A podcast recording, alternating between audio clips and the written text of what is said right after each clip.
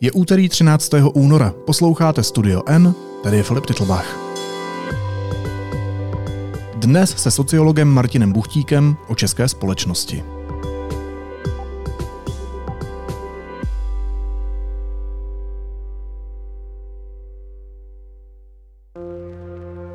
Jak se v české společnosti rodí různá vidění světa? A jak vypadá pomyslná aréna, ve které se tyto pohledy na svět střetávají?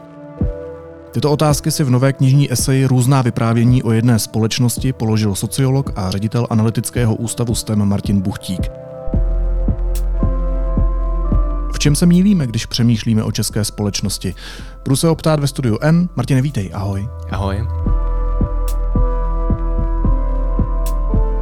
Kdybys měl začít vyprávět příběh o Češích, čím bys začal? Asi tím, že si všichni myslíme, jako ostatně i jiný národy, že jsme zcela unikátní. Ale přesto si myslím, že je dobrý, že kdyby to byl cizinec, tak bych mu zmínil nějaký specifika. Jako, mm-hmm. že ta kultura je hodně přímá a hodně kritická.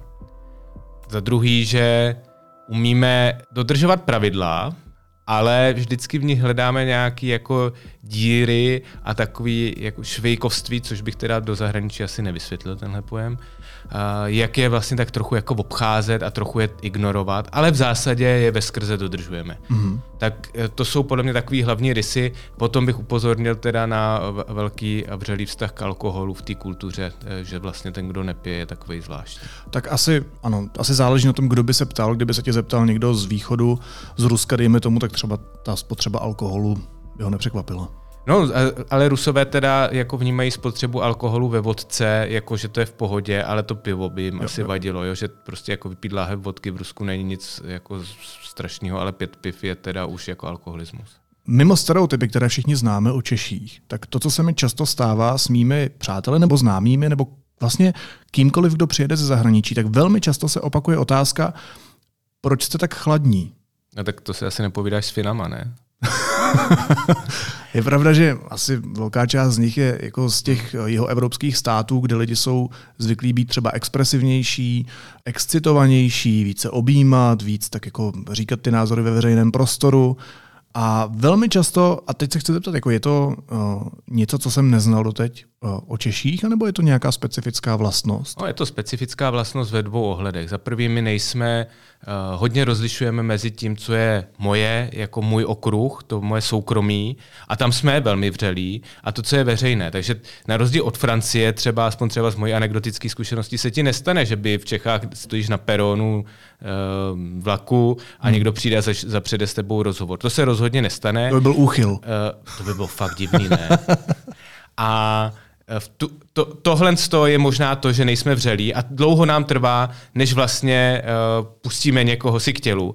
Ale taky, a to považujeme za naši kladnou vlastnost, nejsme jako falešně vřelí, jakože jak se máš, mám se skvěle, prostě prožívám nejlepší dny svého života. Ne, ne mám se blbě, když se Přesně, mám blbě. jako může to být horší, ale nic moc teda a tak. No, uh, pojďme se dostat teda uh, z našeho pohledu k nám. Když teď pro větší srozumitelnost použiju sama sebe, tak já jsem Filip, jsem Čech, jsem muž. Jenom tohle znamená už moje samotná existence, že patřím do nějakých sociálních skupin? Nějakým způsobem ano, ale kdybych to měl vzít jako analyticky, tak bych potřeboval vědět, z jakého ekonomického zázemí pocházíš. Hm, nižší a, střední třída, dejme tomu. No, nižší střední třída. Venkov. A, Uh, to mě asi tolik nezajímá. Zajímalo by mě asi zhruba, kolik ti je let, protože 30. to může mít uh, nějaký vliv na jako pravděpodobnost toho, že zastáváš nějaký postoje. Ale to důležité je uh, právě ten socioekonomický status. To je to nejdůležitější v České republice. No tak jsem ti odpověděl. No tak já asi, a ještě bych se tě zeptal teda na jednu otázku, jak vidíš uh, vývoj od roku 89. Mm-hmm. Hm. Jako defaultně správný protože vím, co bylo před rokem 89 a uvědomuju si, že to bylo nebezpečný. Jo. No tak v tomhle z tom ohledu už bych dokázal s nějakou mírou teda tolerance a pravděpodobnosti sestavit nějakou jako pravděpodobnost, koho jako budeš a nebudeš volit třeba a tak. Takže co všechno určuje, jaký postavení mám v české společnosti? Co všechno vlastně determinuje ten můj osud a podle čeho se potom hmm. rozhoduju, koho třeba budu Ale vlastně volit? nejvíc to determinuje u mladších lidí rodinný zázemí, mm-hmm. rodina, ve které vyrůstali, ten jako představa že žijeme takový český sen každý, to je takový malý brácha amerického snu, jo, takový skromnější, uh, v tom, že každý, kdo se snaží, tak bude úspěšný a ten, kdo není úspěšný, tak se nesnažil dost. To je český sen. Tak to je dost často český sen. Jo? Tak ten princip zásluhovosti, který potřebujeme vytáhnout, že se někdo zaslouží o to, co, co teda dělá, tak uh, ten je hodně jako rozšířený a je vlastně dost falešný. Čili hodně záleží na tvým uh, ekonomickým a sociálním zázemí. Hodně prostě záleží jinými slovy na to, když to trochu jako zjednoduším, jestli si doma povídáte o tom, jestli má smysl dodělat si výuční list, mm-hmm. anebo jestli si od malička povídáte ne o tom, jestli půjdeš na vysokou školu, ale na kterou, na kterou? vysokou školu půjdeš. Mm-hmm. No a koho teda, na základě toho teda koho budu volit? Jak bys mě rozčlenil? Jo, ty, ale ty, ty voličské preference jsou zase trochu jiná věc. Já vím, že to je jako strašně důležitý, protože to bez skrze potom ta politická garnitura určuje směřování aspoň do nějaké míry té země, aspoň po nějakou dobu. Ale pravděpodobně bych mohl říct, že jako půjdeš k volbám a mohl bych říct, že asi nebudeš volit prostě antisystémové strany. Jo? Mm-hmm. To, mhm. takhle bych to asi řekl. Ale víc, abych byl jako precizní sám před sebou, tak bych vlastně víc netypoval, jestli si jako víc eh, liberální nebo víc eh, sociálně citlivý a tak podobně, to je, eh, to už jako bych asi potřeboval hlubší profil a možná ani tam bych se ničeho nedopátral, protože je to takový dost často neuchopitelný a jde spíš o to okolí, ve kterém se pohybuješ, než o tebe sama sebe. A když říkáš, že to moje přemýšlení ovlivňuje moje zázemí, moje rodinné zázemí, tak se bavíme primárně o penězích, o tom, kolik vyděláváme, o tom, jaký máme majetek v rodině, o tom, jaký máme příjem, anebo spíš to, jestli máme kolem sebe lidi, na který se můžeme obrátit s prozbou o pomoc a tak dál. O té sociální jo. síti. My vlastně v sociologii tomu říkáme jako kapitály, to jsou nějaké statky, které ty máš nebo nemáš. A, a nej, ten nejjednodušší je ekonomický. To je mm-hmm. buď to mhm. příjem, anebo majetek. Prostě prachy. Prachy, nějaký podobě. Ale pak máš i jako sociální kapitál, řekněme, to jsou tvoje uh, právě ta záchranná sociální síť, to znamená, když si zlomím nohu, nebo když je mi zlé, mám se na koho obrátit, je to jeden člověk, nebo je to vlastně široká záchranná Takže síť. lidi. Takže lidi. A za druhý jsou to často kontakty, to znamená, uh, mám Eh, v Praze může být problém třeba najít řemeslníka, mm-hmm. jo? ale víme, že třeba v momentě, kdy se, eh, nedej bože, někdo v rodinách onemocní, tak ty rodiny aktivizují právě tady tu záchranou sociální síť, aby našli nějakého experta, lékaře, který vlastně jako dokáže tomu nemocnému nebo nemocné pomoct. To je velmi eh, častý jev.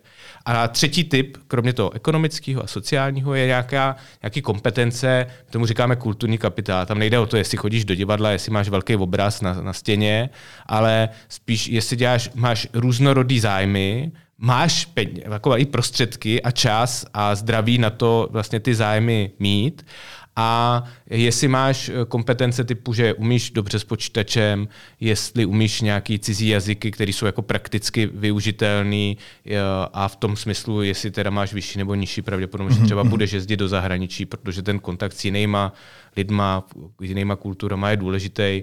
Typicky, když pokud nejezdíš do zahraničí, což je 40% lidí, tak takový to, že jako demokracie nám přináší možnost cestovat, je ti fakt ničemu. Ano, ano. Dobře, a tak který z těch kapitálů, která z těch, um, z těch rubrik je vlastně nejdůležitější pro to, aby ovlivnila moje přemýšlení o světě?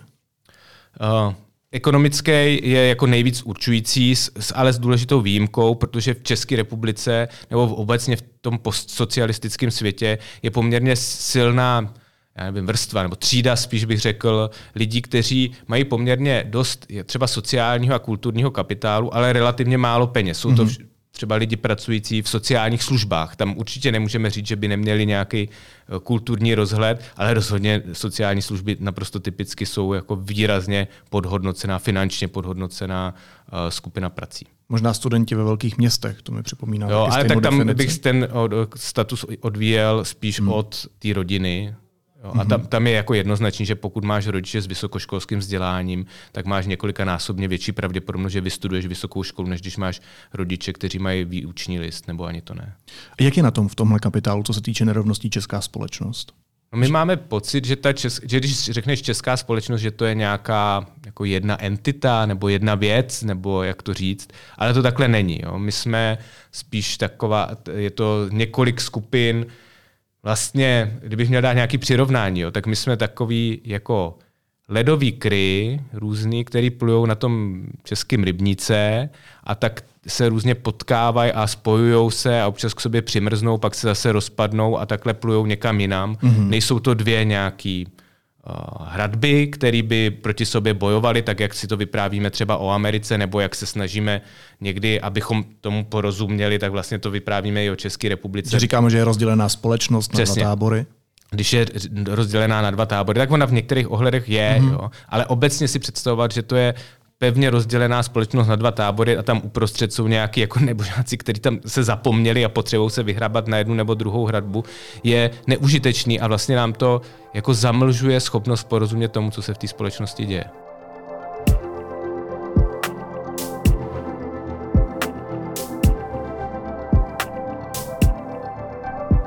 Takže jsme více jako atomizovaná společnost, než rozdělená jo, společnost. Asi jako já povídám, mluvím o tom, že jsme rozbitý na střípky. Mm. Myslím, že ty kry na tom rybníce, to je dobrý, ne? Mm, je, je to super, je to, to super krásná metafora. To asi nechal. Gratuluju k ní.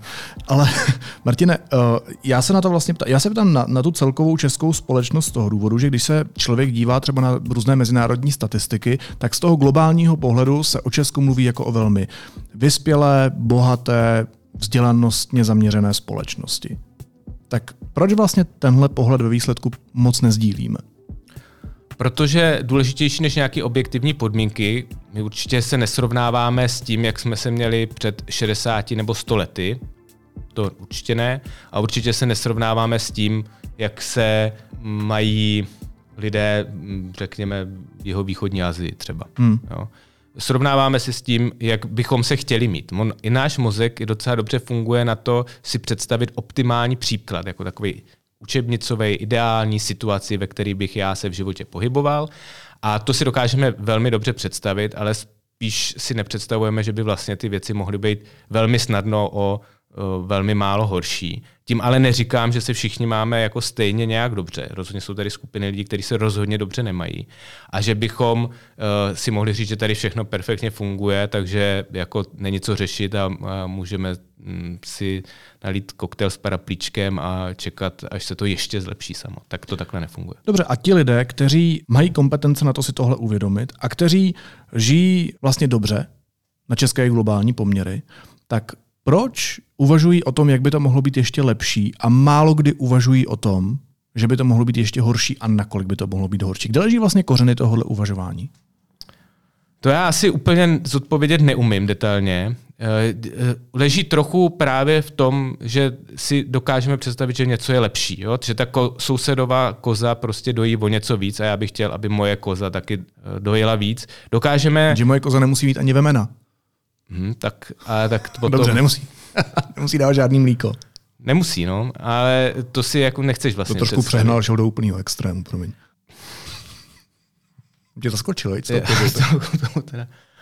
Ale často se soustředíme na nějaké jednotlivosti, často e, nevidíme celý kontext, ve kterém se pohybujeme a to si myslím, že je jako špatný. A taky máme pocit, že se vlastně všichni máme stejně. Jo. Mm-hmm. To je e, takový jako zase mýtus toho, že jsme rovnostářská společnost, ale v dnešní době byť žijeme ve stejné společnosti, tak různí lidi žijou úplně jiný životy. A vlastně se často ani ty životy neprolínají. Jo? Už vlastně od dětství uh, ty lidi žijou v jiných, jiném sociálním prostředí, mají úplně jiné problémy a to nám asi chybí nejvíc. Jo? Nějaká empatie. U nás ji totiž nikdo nikdy neučil, takže to jako nevezmeš jen tak někde uh, na zemi. A s, tím, s tímhle s tím asi bychom potřebovali umět pracovat. A kdo v nás buduje to přesvědčení, že jsme rovnostářská společnost, ačkoliv to tak není? Hmm, a to je takový jako všeobecná, všeobecná schoda, že přece ta česká společnost je až vlastně příliš rovnostářská. Eh, ten, eh, samozřejmě my víme, že za socialismu to platilo, ale tam to bylo jako úplně umělý a nechceme se k tomu vracet, ale že i dneska ty rovno, nerovnosti jsou jako relativně malý. Hmm. Oni možná třeba z globálního pohledu jsou, jo? anebo z historického pohledu, když si vezmeš šlechtu a nevolníky, tak určitě ta nerovnost byla tenkrát určitě větší, ale zároveň víme, že 20% nejbohatších lidí drží v tuhle chvíli řekněme 80% majetku České republiky. Byť teda tam velkou roli hraje teda to 1% úplně nejbohatších uh, miliardářů a miliardářek. Tak to jako je složitější, ale my jsme relativně přímově ještě v pohodě, v těch nerovnostech relativně, ale ty majetkové nerovnosti jsou důležitý ale i na té každodenní úrovni, jako nepředstavujeme si nějaký boháče. Jo? Prostě v momentě, kdy vyděláváš 100 tisíc a rodiče ti přispěli nebo ti dali uh, možnost si koupit byt, mm-hmm. tak si v úplně jiné situaci z hlediska i životní strategie, i rozhodnutí třeba mít nebo nemít děti v nějaký konkrétní moment, nebo i v rozhodování dát nebo nedát výpověď, pokud si nebo nejsi zatížený hypotékou, tak to jsou všechno věci, které se vlastně do toho úplně přímo propisují. A koho potom volíš? A v důsledku nepřímo taky, koho potom volíš, ale tam jde spíš o to, i kterýma lidma si obklopený. Hm. Když jsi mluvil o tom českém rybníčku nebo o tom českém jezeře, kde, kde různě plujou ty kry, tak eh, propojení různých sociálních bublin se očekávalo od sociálních sítí. A nutno říct, že jenom v počátku toho nastavování nebo v jejich počátcích. Teď se na ně díváme podstatně kritičtěji a ty v té své knize píšeš, že pobýváním na sítích bubliny nepraskají, ale zprůhledňují se. A ještě ne úplně. Můžeš to vysvětlit? My občas máme představu, že dřív tráva byla zelenější a že to všechno bylo prostě lepší a sluníčkový a zalitý duhou ale tak to nikdy nebylo. Ty jako rozdíly v té společnosti byly vždycky velký a byly až natolik veliký, že vlastně jednotlivé sociální skupiny nevěděli vůbec, neměli přístup k tomu, jak se má ta druhá sociální skupina. Mm-hmm. Možná v nějakých zkazkách nebo příbězích eh, z různých úhlů pohledu. No a ty sociální sítě, a nejenom oni, ale oni to jako urychlili a dali tomu nahlédnout, vlastně umožnili propojování lidí, kteří by se nikdy nepropojili typicky podle nějakých jako koníčků nebo různých dalších jako charakteristik. A dávalo to chvíli smysl, že by, se, že by jsme vlastně dokázali být uh, skrze ty sociální sítě empatičtější. No ale my je spíš jako vidíme, ty různé jiné skupiny obyvatel a občas, eh, když se třeba bavím se svými kamarády, tak oni jakoby říkají, když jim jako dávám tady ty argumenty, tak oni říkají, no já si pěstuju jakoby na tom Facebooku nebo Instagramu nějaký jako ty lidi, z té jiné skupiny, abych je mohl jakoby etnograficky nebo pozorovat. pozorovat prostě, jo. A, a to je jako exotizace Čechů, Čechy, ne? Ano, je to taková exotizace. A my potom vidíme, ty, my dokážeme jako se podívat na ty bubliny, ale co, jak, co oni zvýrazňují, jsou nějaký skandální a emotivní mm-hmm. rysy té skupiny, kterou potom máme tu jednu událost, máme tendenci přisoudit celý té skupině, zvlášť když je to jako skandální. Podívejte se, ten řekl tohle a to si myslí tím pádem všichni lidi, kteří jako toho člověka, nevím co, volí nebo eh, sledují na Facebooku nebo něco takového a připisovat vlastnost jednotlivce celé té skupině a jenom to potom vede k tomu, že ty bubliny my sice vidíme, ale jako když si sklář a vyfoukneš nějaký nepovedený výrobek a teď to je celý takový vachratý a něco jako zvětšený, něco vůbec není průhledný, tak je vidíš velmi uh, jako jinak, než skutečně jsou. No ale tím se vlastně ještě víc utvrzujeme v těch vlastních postojích. Jo, jo, v momentě, kdy my se cítíme ohrožený a máme pocit, dokonce na to v Americe máme, jako z Ameriky máme pojem false polarization effect, to znamená hmm. efekt falešné polarizace, to znamená, já si myslím, že oni si o mě myslí, že já je ohrožu. Jo, je to takový to, je to such meta, Filipe, ale eh, je, je to... Už mi to došlo? Já se, já se cítím ohrožený, protože oni si myslí, že já jsem jejich nepřítel. Ano, jo? Ano, ano. A v tu chvíli já na sobě zapnu v sobě zapnu obraný procesy a snažím se teda jako se bránit a vlastně tím teprve ta polarizace opravdu vzniká a prohlubuje se. A sám signalizuju ostatním lidem, kteří smýšlejí jako já, jaký já mám postoj. Ano a zároveň tam i na těch sociálních sítích funguje, že ty vlastně a známe to často z nějakých rodinných obědů třeba, jako trochu stereotypně, že vlastně nechceš jít do nějakých konfliktů a spíš jdeš po srsti v tom smyslu, že se s těma lidma chceš bavit, se s nima vycházet a když někdo s tebou souhlasí, tak a ty si jakoby ten chytrej, tak, eh, tak si rád, že tě někdo pochválí. To je jako přirozená lidská vlastnost, to není nic eh, jako vošklivého, to si připustíme, že všichni jsme rádi chválení. No dobře, a, a je vůbec jako, je z toho cesta ven, je vůbec lidsky přirozené, abychom měli opravdovou snahu poznat toho druhého, pochopit celé skupiny lidí s odlišnou sociální a ekonomickou situací? Vůbec reálné něco takového po lidstvu požadovat?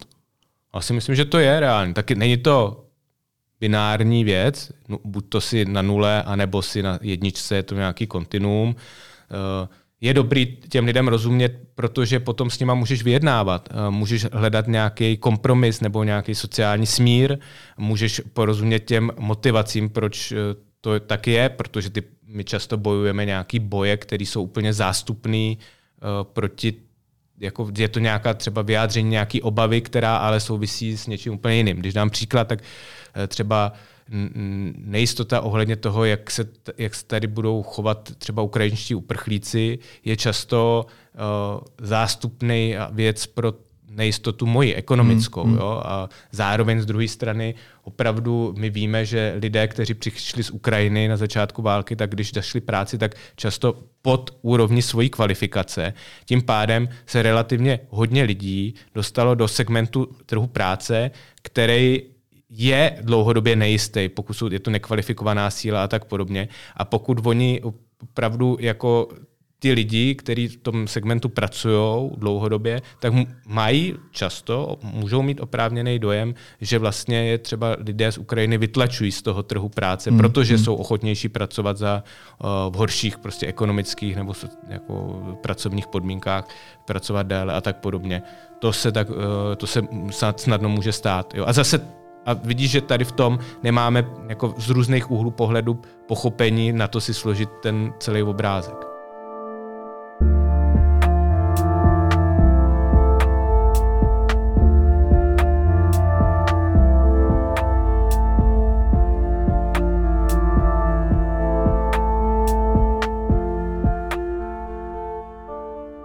Ty uh, ve své knížce píšeš, já budu citovat jeden uh, hrozně hezký odstavec, který uh, já vlastně pozoruju taky ve svém okolí, sestavování národního týmu na mistrovství světa v hokeji, vliv voličů filadelských okrsků na výsledek amerických prezidentských voleb, citační standardy v akademických publikacích, kvalita tanku Leopard 2, epidemiologické modelování, sestavování státního rozpočtu. To všechno jsou témata, která mají jedno společné. Dokážeme v nich být skutečnými experty, zaručeně, bez ohledu na fakt, že jinde na ně potřebují subtilní expertízy, názor se vytvoříme rychle.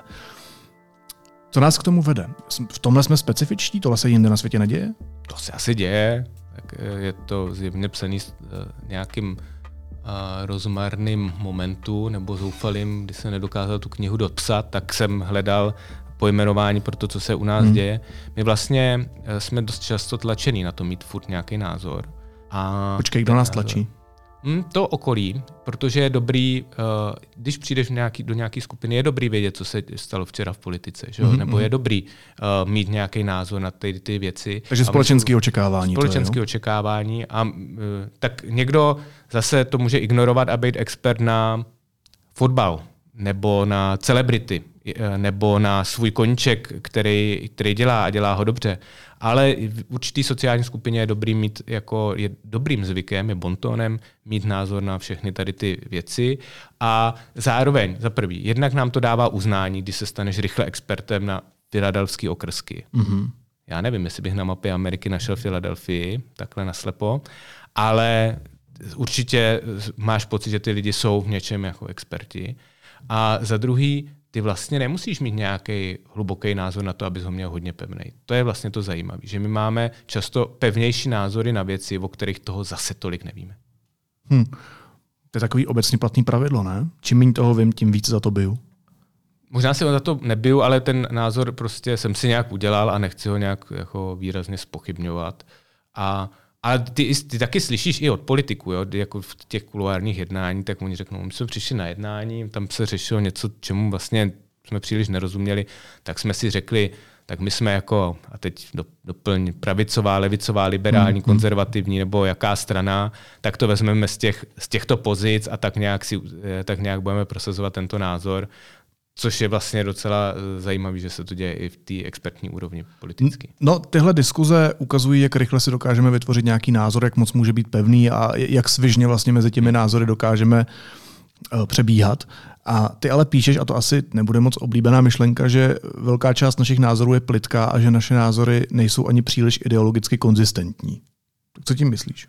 Tím teda mluvím o uh, různých skupinách ve společnosti, které se nezabývají denně uh, nějakou, nějakými těmi uh, odbornými věcmi nebo politickými věcmi. A je to tak, že vlastně oproti učebnicím se na základě našich výzkumů ukazuje, že to nejsou ideál, že nejsme ideální typy. Ideální typy jsou experti nebo politici často, jo? protože ty musí trochu vypadat jako delityčinka třeba. Mm-hmm. Jo? Prostě je to jasný produkt, o kterým během jedné věty víš, co tak zhruba bude říkat. Musí to být srozumitelný, nesmí se moc uh, zakoktávat, má sedm sekund na to vyjádřit svůj názor a ty si musíš jako něco z toho odníst. A, ale běžný člověk prostě nemá takhle jednoznačně usazený názory, jakože si řekne, že když si pro ukrajinský, tak si pro sňatky homosexuálů, tak zároveň chceš uh, jako prosazovat klimatické opatření, anebo naopak, tak to takhle v té české společnosti skoro nefunguje, ne, respektive to funguje u tak málo lidí, že když se snažíš rozškatulkovat tu společnost do takových těch sociologických mm-hmm. hezkých mhm. škatulek, tak to prostě ten stroj, který to má udělat, tak selže a řekne ti, nedám ti vůbec žádný výsledek, tady to prostě jsou data, které jsou víc nahodilý, než uh, že by v nich byl nějaký systém, pokud se bavíme o jako celé společnosti. Ale představa taková je, ne? Společensky sdílená. Jo, tak zase eh, to je spíš psychologický efekt, že ty musíš být sám před sebou konzistentní. Málo kdo si o sobě myslí, že jako selhává, nic neví, a vlastně ho to jako nezajímá a nemá vlastní sebeúctu, tak jasně, tak myslím si, že si dokážeme eh, bojovat za hodně věcí, které vlastně o nich moc nevíme, ale zároveň je to strašně těžký. Když se chceš kouknout na třeba články o um, změně klimatu nebo o fungování vakcín proti hmm, covidu, mm tak i když jdeš do těch primárních článků, tak eh, ani s vysokoškolským vzděláním teda ne toho zaměření přesně často neporozumíš, co se tam teda vlastně píše, protože to plný nějakých jako vlastně slovníků, kterým ty nedisponuješ, ne, nemáš ho v sobě, takže vlastně nedokážeš porozumět tomu, co se tam přesně píše, dokážeš porozumět tomu abstraktu a pak je to o trochu o víře v ten systém nebo nevíře v ten systém. No a jak je to s vírou v systém a důvěryhodností? Složitý. Je to složitý, protože pokud vyrůstáš třeba v rodině, kterou, na kterou ta společnost zapomněla, a nebo se jí nikdo nikdy jí nepomohl, tak samozřejmě v ten systém nemáš moc velkou důvěru a je velmi pravděpodobný, že ji už nikdy nezískáš, protože důvěru je snadný ztratit, ale strašně obtížně se získává zpátky. A na koho zapomínáme? My si každý myslíme, že ta společnost zapomíná zrovna na nás, hmm. no, nebo ten systém, ale do nějaké míry to může být pravda, protože těch rozměrů, ve kterých můžeš být zapomenutý nebo nemít hlas, je strašně hodně. To, častěji to teda ještě potom vede k rezignaci, než k nějaký uh, radikalizaci, ale právě lidi, kteří se pohybují uh, v nějaký nejisté situaci životní, tak uh, to, to jsou právě ty skupiny lidí, kteří potom jakoby nejméně tomu systému věří. A to jsou ekonomicky složité situace velmi často, které jsou předávány z generace na generaci. Pokud nevěří, že tvoje děti se budou mít jednou líp, tak eh, to je, myslím, takový ten ukazatel, kdy říká, že je velká pravděpodobnost, že nebudeš věřit tomu systému jako eh, takovýmu. Kdo ty střípky, kdo ty kry, o kterých mluvíš metaforicky, kdo je poskládá a slepí dohromady? Nikdo. A asi to ani nechceme. Jo? Pokud je slepíš a poskládáš, tak je to trochu jako, nevím, jestli si kutil, ale když rozebereš budík a pak se ho snažíš složit, tak ti zůstanou nějaký dílky a ty musíš vyházet. A my nechceme vyházet kusy společnosti. Mm, mm. V demokratické společnosti je různorodost názorů, jasně to, co jí má pohánět správně, ale musíme umět nejenom víc dialog, protože dialog to je jenom jako nekonečný střídání věd který se můžou tak jako až kakofonicky tak někde rozlejhat a pak si budeme říkat, že jsme se dobře popovídali. To můžeme dělat někde u piva nebo u kávy, protože nemusíme dosáhnout žádného rozhodnutí. My musíme se naučit jak, eh, dosahovat nějakých kompromisů v tom smyslu, že, že tu společnost čeká řada rozhodnutí. Ta rozhodnutí musíme přijímat relativně rychle, nemáme desítky let na to se rozhodnout, kde přijmout. A jednou bude znevýhodněná jedna skupina, ale po druhý to má být druhá skupina. A nemůžeme výst každý ten jeden mm, tu, tu jednu situaci jako nesměřitelný boj dobra se zlem. Tak Počkej, prostě... to už je pozdě, ne? To už bude vždycky takhle. Uh, no pokud to takhle vždycky bude, tak ta společnost opravdu se roz, rozdělí do zákupové války a budou to sice lidi, kteří žijou na jednom prostoru, ale vlastně nemají nic společného. A to české společnosti ještě tolik nehrozí. Ještě pořád jsme, uh, byť se to nezdá, se schopný nějak domluvit. I ten politický systém, který je dost nepřehledný, jak z hlediska množství politických subjektů, který tady jsou, tak z hlediska toho, že tady máme jako prezidenta, dvě komory, Eh, parlamentu, což je na zemi naší velikosti jako poměrně složitý systém. Eh, ústavní soud tady máme, celou tu hmm. jako eh, soud, ten soudnický systém je poměrně rozsáhlý, takže těch omezení nebo těch, jak to říct lépe, opravných mechanismů tady máme poměrně hodně, takže my jsme docela robustní. Jako Ale já tam vidím, Martine, rozpor. Když, když na jedné straně říkáš, že ty střípky nikdo nespojí a že to vlastně ani nechceme, a na druhé straně říká, že pokud takhle půjdeme dál, tak budeme vést zákopové války. Já si takhle, tak dobře, rozumím tomu. Podle mě nejde o to, že bychom chtěli spojit všechny jako do jednoho. Spíš je dobrý se umět jako pochopit, co ty jednotlivé střípky vlastně říkají a proč to říkají to nás posune v té diskuzi teď eh, nejdál. A hodně důležitá je teda potom i ta politická scéna, protože eh, jestli jsi byl někdy v nějakém oddíle nebo jel na tábor, tak eh, pochopíš, že hra, kterou hraješ, nebo se dá vyhrát dvěma způsobama. Jo? Buď to si nejlepší, mm-hmm a vymyslíš nejlepší taktiku a vyhraješ ji, anebo si poslechneš pravidla a pak se ty pravidla snažíš tak jako nějak jako trochu občůrat. A to se mi zdá, že je častější varianta, kterou teď uh, na dnešní politické scéně vidíme, že prostě se natahují ty pravidla a různě se ohejbají, spíš než, že bychom se snažili být opravdu nejlepší. No, tak, uh, a zároveň je to samozřejmě strašně složitý, protože ten politik na rozdíl od doby před 15 lety musí umět reagovat v podstatě uh, v nulovém čase, to znamená okamžitě na sociálních sítích, máš kolem sebe profesionální týmy, hovoříme o politikovi jako osobnosti, ale ve skutečnosti je to často práce celých těch týmů, mm. uh, takže to je jako i mnohem větší a složitější diskuze, která nás uh, podle mě čeká, pokud chceme něco měnit. A myslím si, že někdy uh, jako, jako na individuální úrovni je zdraví, že když mě něco rozčílí u internetu, tak ho jako na chvíli vypnout. Mm a nebejt tolik rozčílený a hlavně, prosím vás, nic tam nepište. A chtějí Češi něco měnit? My se shodujeme často na tom, že je potřeba věci měnit jo? a že potřebujeme velké reformy, ale sam, zároveň blokujeme teda to konkrétní provedení. To je vlastně zvláštní ukaz, že se jako shodneme na tom, že třeba důchodová reforma je potřeba, že je potřeba dělat něco se změnou klimatu, a tak podobně, ale vlastně to konkrétní řešení. Právě tím, že jsme rozbití na ty kry, na ty střípky, tak vlastně ten jeden střípek nebo ta jedna skupina, která něco navrhne, hmm. nějaký konkrétní řešení, tak vždycky získá uh, mnohem silnější opozici, protože ty ostatní se jako spojí. My totiž často nevíme, co chceme, ale víme, co nechceme. A definovat se sám sebe na základě toho, co nechci, je vlastně strašně jednoduchý, protože nikdy nemusíš nic jako hájit. Můžeš aha, říkat, aha, tohle nechci, aha. tohle nechci, tohle nechci. Ale uh, mnohem složitější je si za něčím stát. No. No a když jsem se tě v úvodu ptal, uh, jak bys začal vyprávět ten příběh o Češích, tak pojďme k závěru. Jak by ten příběh končil? Jaký by měl vyústění? Hm, a žili šťastně až do smrti? Jo, záleží, kdy umřeli. Ne? a jestli neumřeli žít dnes. Já si ne, nemyslím, že to vyústění je nějaký tragický. Já jsem se snažil v té knížce spíše upozornit na věci, které eh, nám hrozí a kte, jaký vidíme tendence v té společnosti. Jo. A uh, nemyslím si, že by se s tím nedalo nic dělat. Hmm. Zároveň si nedělám nějaký velký naděje, že by prostě někdo si vzal Buchtíkovou knihu a celý národ by se začal chovat jako podle jedné kuchařky. To se samozřejmě nestane, ale je vlastně dobrý do toho veřejného prostoru vnášet ty témata. Podívejte se, tak možná je to tím, že si nerozumíme a každý povídáme o nějaký jiný věci, byť se zdá, že jdeme do nějakého politického střetu, ale každý vlastně máme nějakou svoji potřebu, tak je pojďme ty politické střety zbytečně nezveličovat a bojujeme jenom ty boje, které dávají smysl. Tak díky, že si ta témata přinesl i do studia N. Sociolog a ředitel analytického ústavu STEM Martin Buchtík byl mým hostem. Martine, díky moc, měj se hezky. Ahoj. Díky za pozvání, ahoj.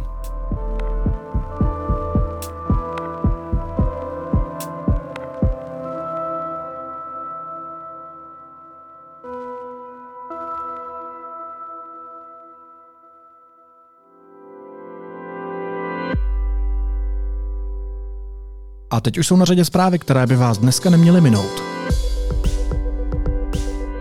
Spojené státy pracují na vyjednání nejméně šestitýdenního příměří v pásmu Gazy, řekl to americký prezident Biden. Operace v Rafáhu by neměla pokračovat bez ochrany civilistů, dodal to pojednání s jordánským králem Abdaláhem II. Hokejisté Ruska a Běloruska nebudou hrát na mistrovství světa ani v příští sezóně. Rozhodla o tom Mezinárodní hokejová federace, která oběma zemím prodloužila zákaz účasti na akcích federace. Bělorusko vyloučila i z kvalifikace na olympiádu. Andrej Babiš nevylučuje povolební spolupráci s SPD. Ta se o vládní angažmá také hlásí. Babišova slova z posledních dní mohou být vzkazem pro některé voliče. Mobilizovat ale mohou i podporovatele koalice. Pozice děkana Národohospodářské fakulty Vysoké školy ekonomické zůstane neobsazená, dokud nerozhodne soud. Informovala o tom Česká televize na základě rozhodnutí předsednictva fakultního akademického senátu. A Kreml odmítl obvinění Ukrajiny, že Rusko používá satelitní internetový systém Starlink amerického podnikatele Ilona Maska. Na tiskové konferenci to uvedl mluvčí Kremlu Dmitrij Peskov, podle kterého Moskva tuto technologii necertifikovala. A na závěr ještě jízlivá poznámka. Favorit parlamentních voleb, populista Andrej Babiš, nevyloučil povolební spolupráci s krajně pravicovou SPD. Za dva roky se tak dost možná můžeme těšit na ministrni TikToku a lidovosti Alenu Schillerovou, ministra lichvy a dluhových pastí Radka Vondráčka, ministra dezinformací a ruské propagandy Jiřího Kobzu, ministra pro poruchu spánku Karla Havlíčka, anebo ministra kultur, pardon, kulturní válek Tomia Okamuru. To už je fakt šílené. Naslyšenou zítra. Pokud máte Studio N rádi a věříte v nezávislou žurnalistiku, budeme rádi, když budete epizodu sdílet na sociálních sítích, řeknete o nás vašim blízkým a kamarádům, anebo nás třeba ohodnotíte v podcastových aplikacích. Sledovat nás můžete taky na Instagramu pod názvem Studio N Podcast. Jsme tady pro vás a vážíme si vaší věrnosti a důvěry.